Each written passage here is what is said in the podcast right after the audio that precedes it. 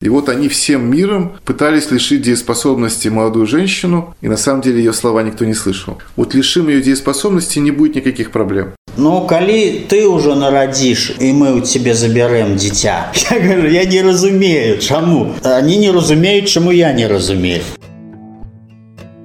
Мы живем у грамадстве і часам не ведаем, з чым могуць сутыкацца людзі побач з намі.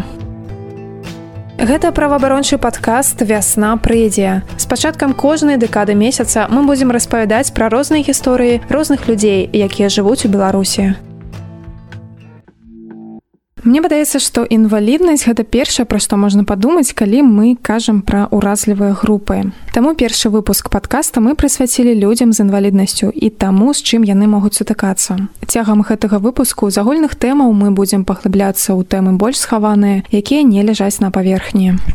Калі запытаць у сярэднестатыстычнага чалавека, якія ёсць праблемы ў людзей з інваліднасцю, я думаю, што ён адкажа штосьці пра адсутнасць пандусаў і бардзюраў. Канешне, гэта важныя пытанні, але праблема інваліднасці не вычэрпваецца толькі тэмай безбар'ернага асяроддзя. Хаця і тут не ўсё так гладка. В Молодечно мы ездили. Новый спортивный комплекс, совершенно новый. И нам местные органы власти показывали, хвастались. Вот смотрите, тут у нас пандус, тут у нас туалет для инвалидов, тут у нас все есть. Отлично, мне понравилось. Я говорю, хорошо, давайте пойдем посмотрим раздевалки тренерские. Сразу ступор они даже не думали о том, что человек с инвалидностью может быть тренером и тренировать какую-то команду, в том числе инвалидную, mm-hmm. что ему нужно в раздевалке раздеться и помыться. Гэта распавядаў Яўген Шэўка. На парламенцкіх выбарах 2019 года ён быў кандыдатам у дэпутаты і, дарэчы, адзіным кандыдатам на інвалідным васку. Але ў парламент ён не патрапіў. Праўда, туды не патрапіў ніхто з непрадзяржаўных кандыдатаў. Але ў выпадку з Яўгенам гэта было б цікава, таму што апошні і адзіны раз дэпутат на васку быў каля 30 гадоў таму. Інваліднасць гэта не толькі тэма фізічных бар'ераў, але і тэма даступнасці. Наступныя тры хвіліны прапаную паслухаць гісторыі некалькіх людзей на гэты конт. Самый старший у нас Андрей, ему 56 лет, но у него первая группа инвалидности, и э, мой муж является его опекуном, потому что ну, в душе ему лет 5-6, как ребенок себя ведет.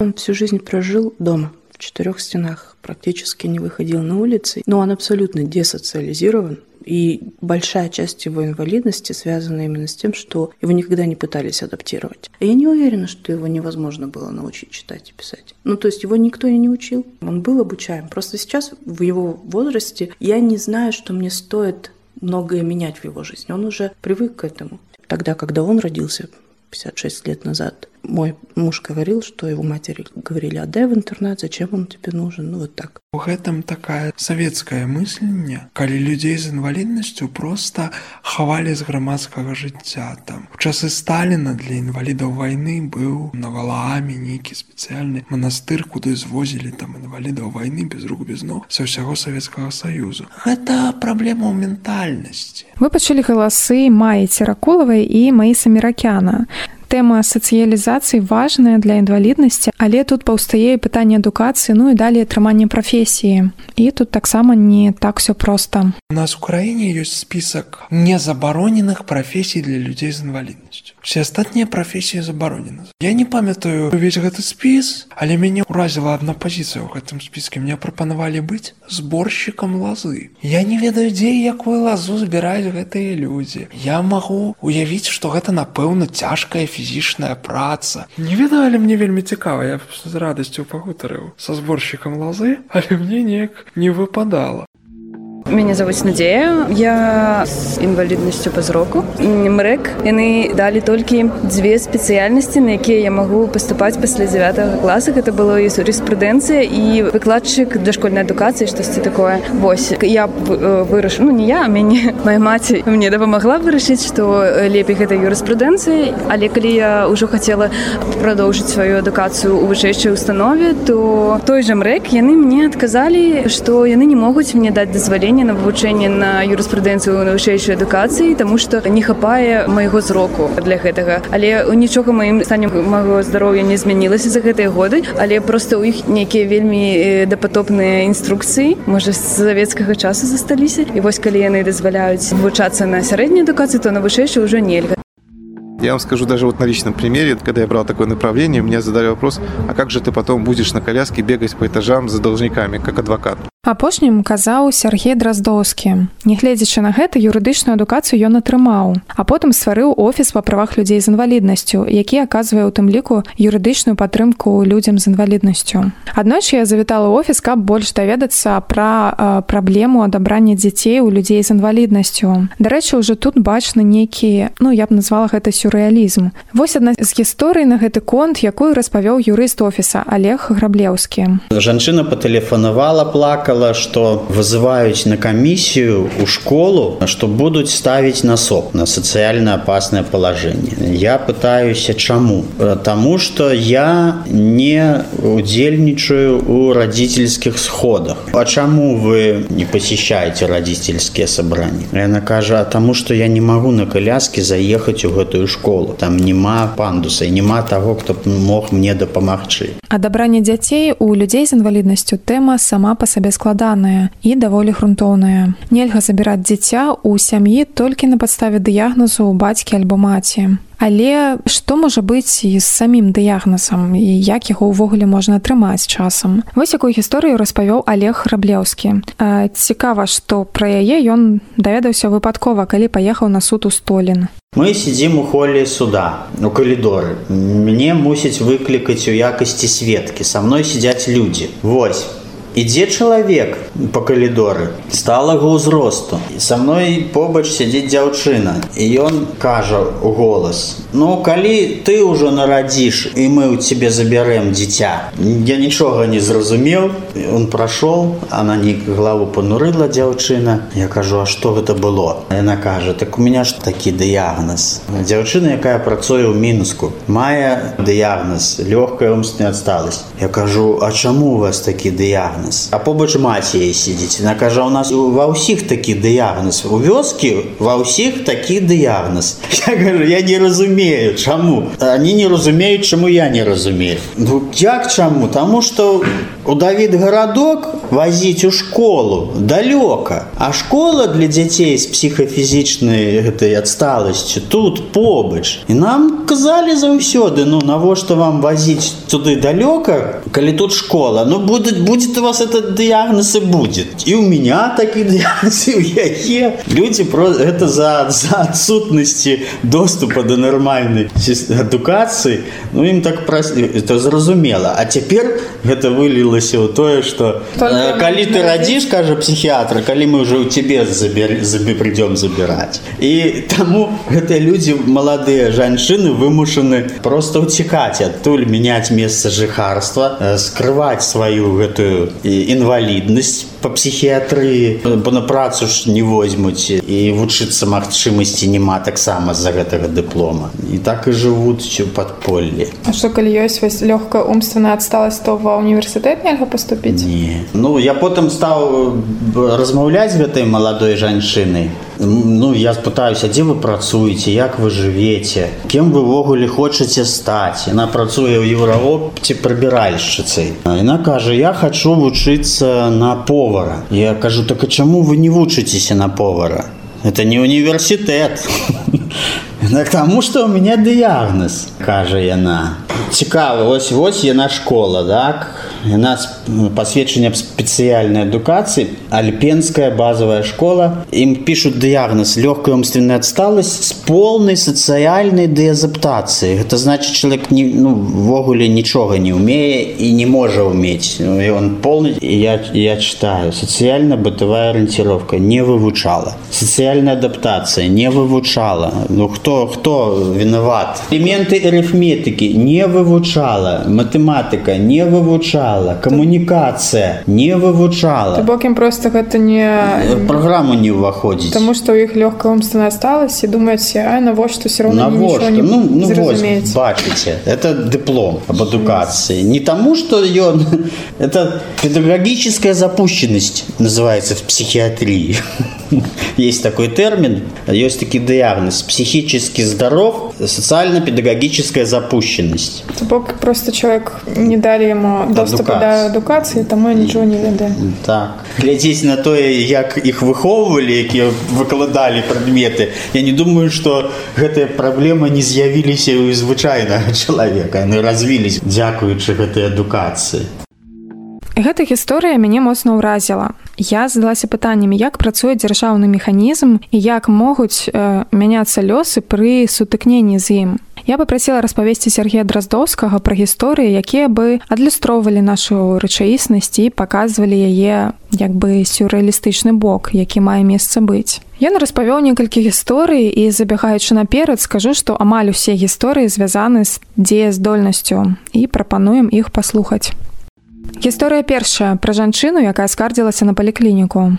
У нее были расстройства, у нее были нарушения здоровья, ну, собственно, у кого их нет. Вот. И это объективно было ясно, что она недополучала в поликлинике тех услуг, которые ей нужны, той помощи, которая нужна была. Она сталкивалась с равнодушием, сталкивалась с э, непониманием, сталкивалась иногда с откровенным хамством в ее адрес или грубостью в ее адрес, да. Вот. И она жаловалась. Естественно, она человек с такой активной жизненной позицией. По каждому случаю она жаловалась. Ну, ввиду особенностей, иногда ее жалобы были в стихах руках. Почему бы нет? Чем это закончилось? Тем, что главврач поликлиники, возглавляющий орган опеки, подал на нее на лишение дееспособности. И суд... Потому что сутяжничество – это одна из как бы особенностей шизофренического спектра. А, Может, поэтому? У нее не шизофрения, у нее другое нарушение, но большому счету Смотрите, тут вопрос такой, что для суда было бы очень важно разбираться именно, а может быть она была права, может быть реально человек жаловался и не находил вообще говоря справедливости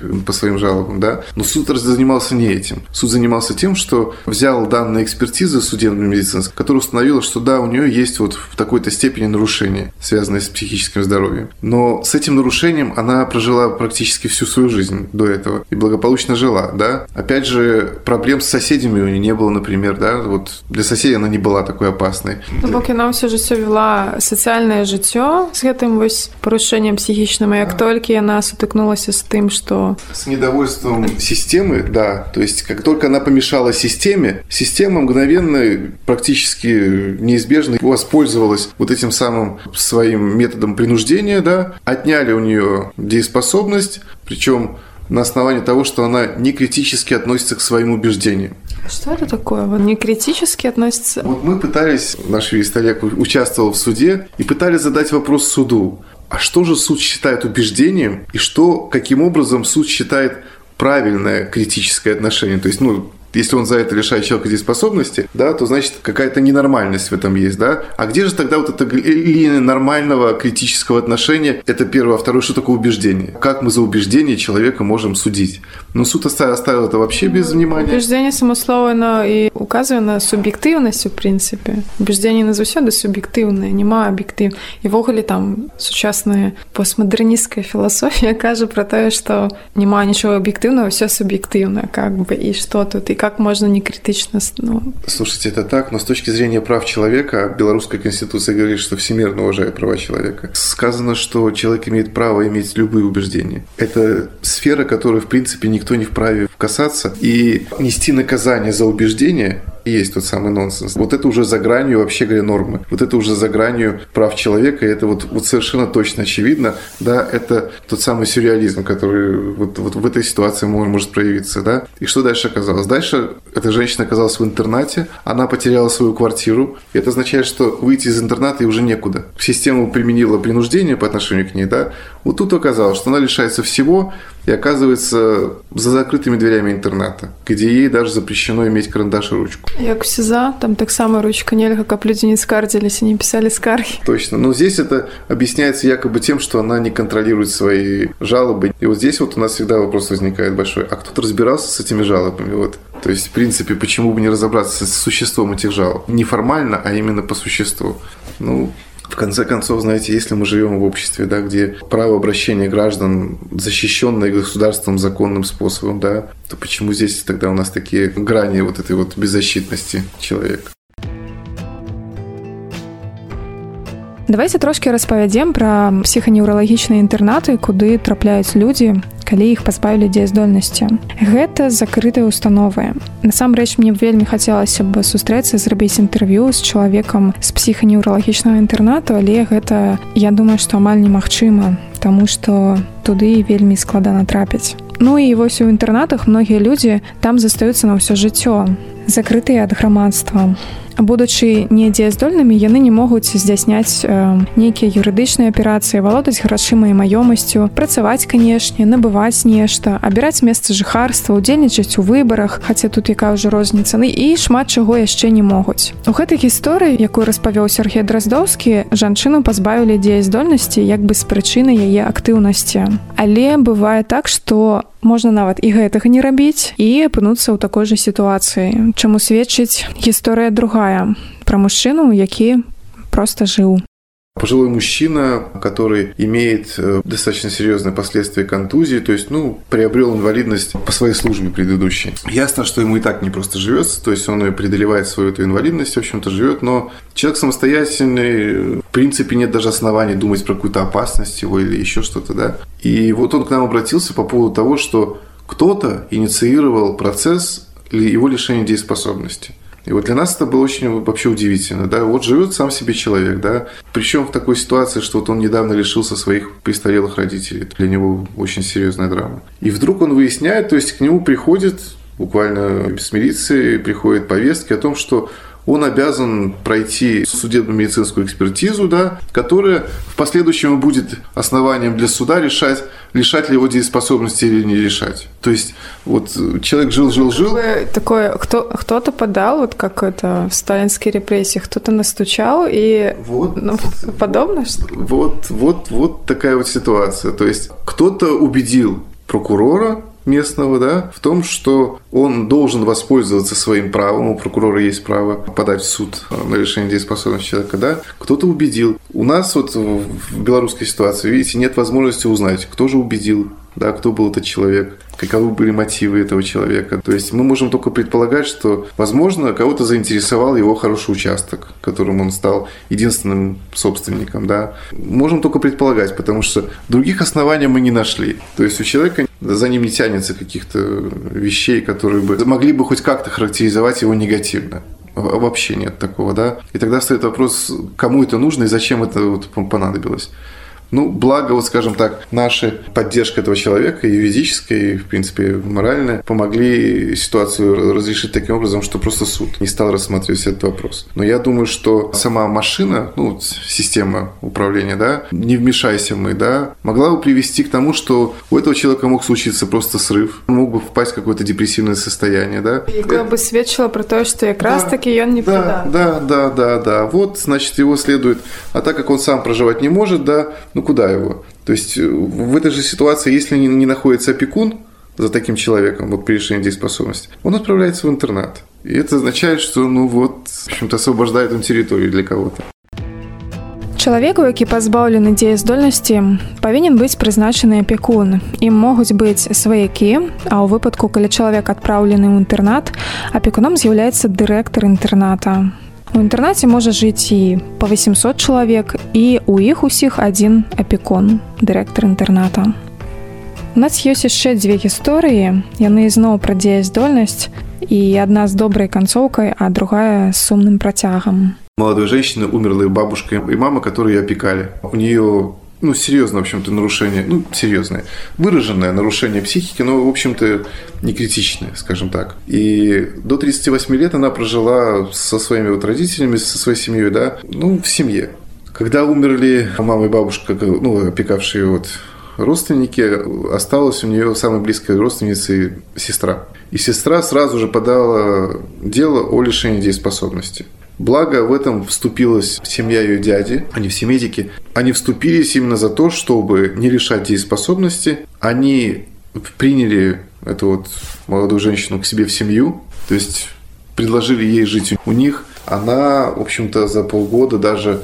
Ну, понятно, что, скорее всего, она раньше у мамы и бабушки была в такой гиперопеке.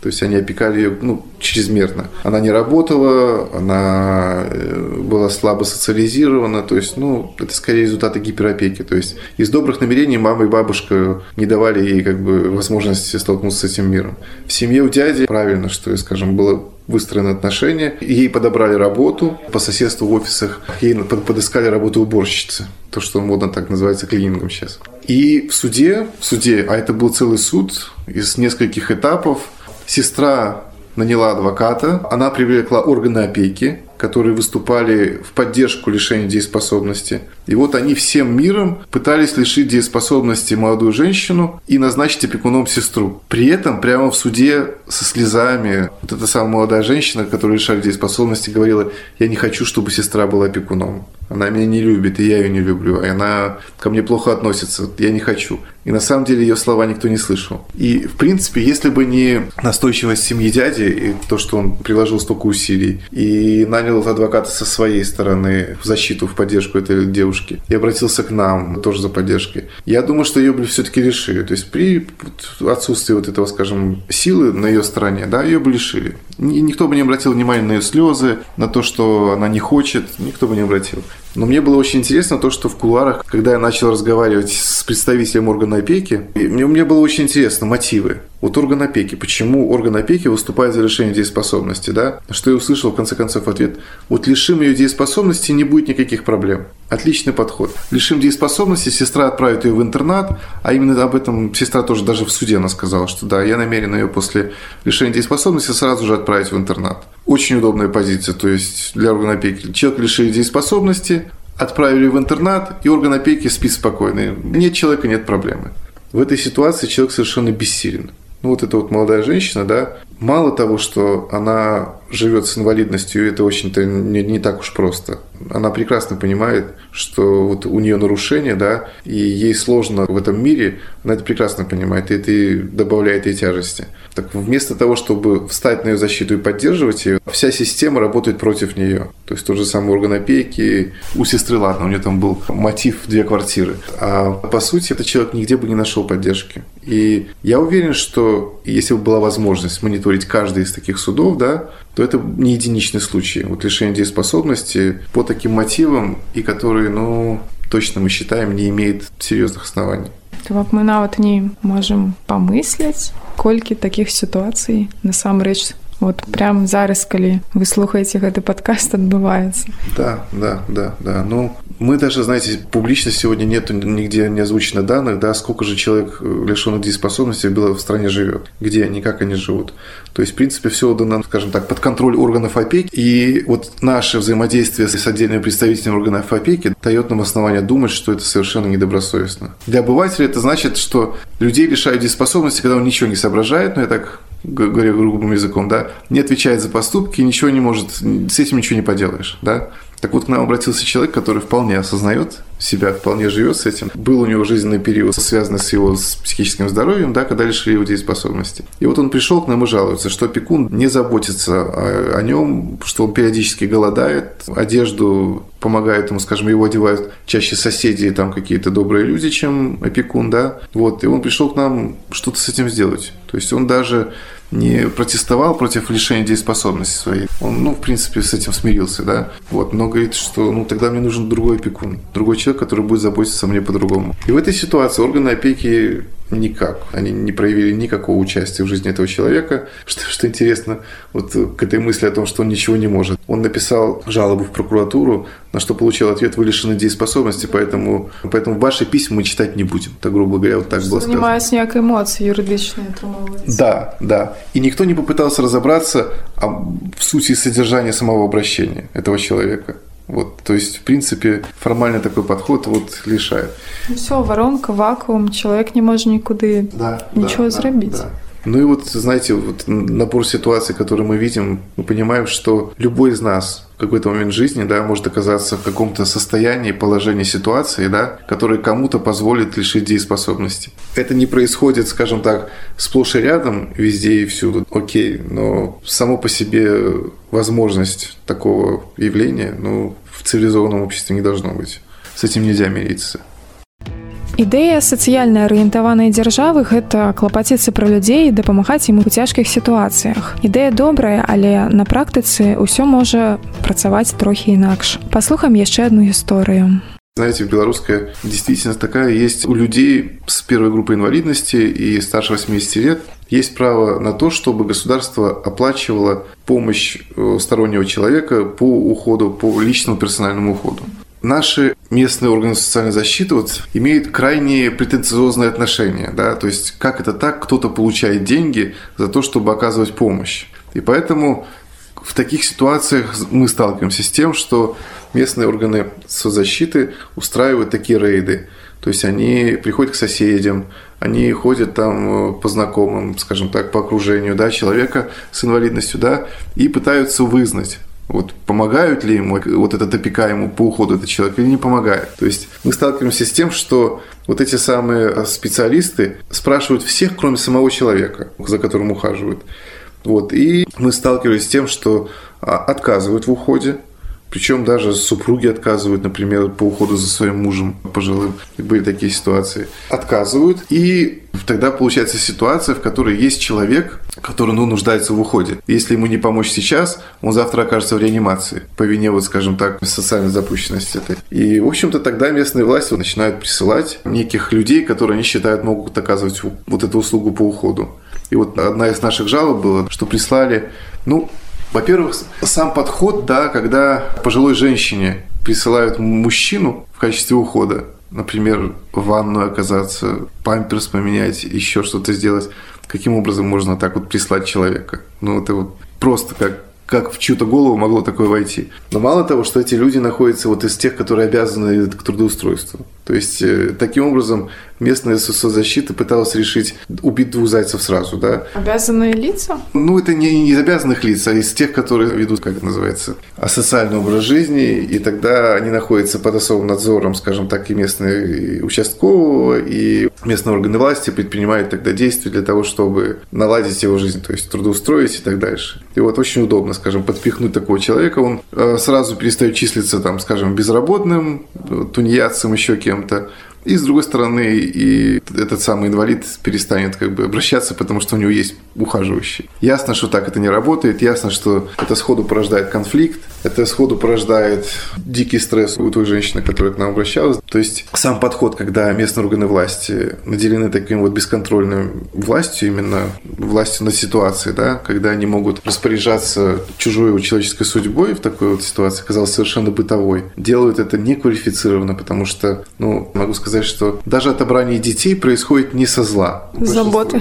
Да, да, да. Это выглядит, знаете, вот когда не коснешься ситуации, выглядит это достаточно формально, да, то есть если читать просто постановление, да, уход, человек по уходу, пособие, там, время и так дальше, и так дальше. В жизни на практике это чаще всего касается совершенно интимной сферы помощи человеку. Но человек такое может допустить, скажем, где-то в реанимации отношение к себе, ну или обращение с собой, да, но в обычной жизни это невозможно. То есть в обычной жизни это строится только на доверии. Як я это бачу, атрымліваецца это палягае на канцэпцыі заботы. Мы заботимся про гэтай пажылую жанчыну, якой трэба дапамога і пра гэтага чалавека, які быў, ну як яны кажуць маргіналам, Магчыма, яго была алкагольная залежнасць. Вось мы яго працаўладкавалі, каб і вот это і таго працаўладкавалі і жанчыне дапамаглі. А рэшце рэшт мы знаходзімся ў сітуацыі, калі ніхто не хоча гэтага рабіць я думаю что это мужчына таксама не хоча мяняць памперсы жанчына не хоча з ім бачыцца і выніку все пакутвесь да, да. в итоге всем плохо и человеку и ему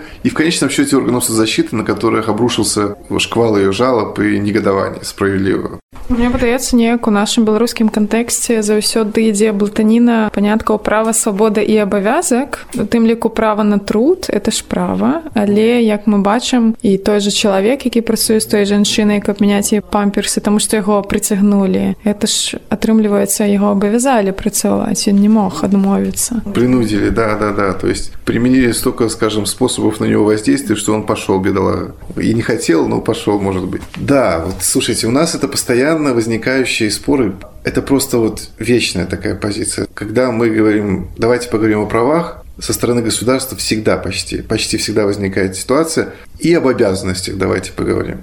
То есть, в принципе, для государственной машины или людей, которые в этой машине считают себя государством, вот есть такие у нас типажи, которые говорят, государство – это я. Для них права – это лишь последствия обязанностей. То есть, то, что я могу сделать вывод, да, в их логике. Права – это лишь необходимая часть для того, чтобы человек выполнял свои обязанности. Никак не наоборот. Вот. И, конечно же, это прямое противоречие логике прав человека. То есть так работать не может. Но эти люди во власти свои решения выстраивают именно из этой концепции, да, что считают людей обязанными, а их права это вторично ровно до той степени, пока ты выполняешь свои обязанности. Вот во многом это и объясняет, вот скажем, вот такие вот взаимоотношения человека и государства во многом, да.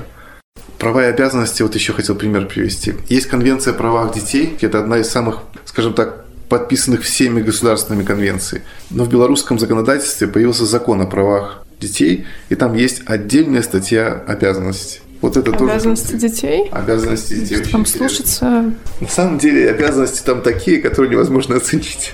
То есть авторы пишут, прописывая эти обязанности, да, а скорее были такими мечтателями, да, то есть обязанность уважать родителей, ну как это можно оценить вообще говоря? Уважает ребенок родителей или не уважает? Где эта грань? Уважение или неуважение? И что делать с тем, если он все-таки не уважает? Что с этим делать? Отобрать ребенка у самого себя или у родителей? Знаете, это как бы действительно за гранью логики, да, за гранью вот, вот абсурда, да, то есть когда попытка использовать свою власть для прописания таких вот законов, да, и обязанностей, которые противоречат, в принципе, логике. На гэтым наш выпуск падыходзіць да завяршэння і памятаеце, што ўсе гісторыі, якія вы пачулі, гэта пра тое, што так быць не павінна.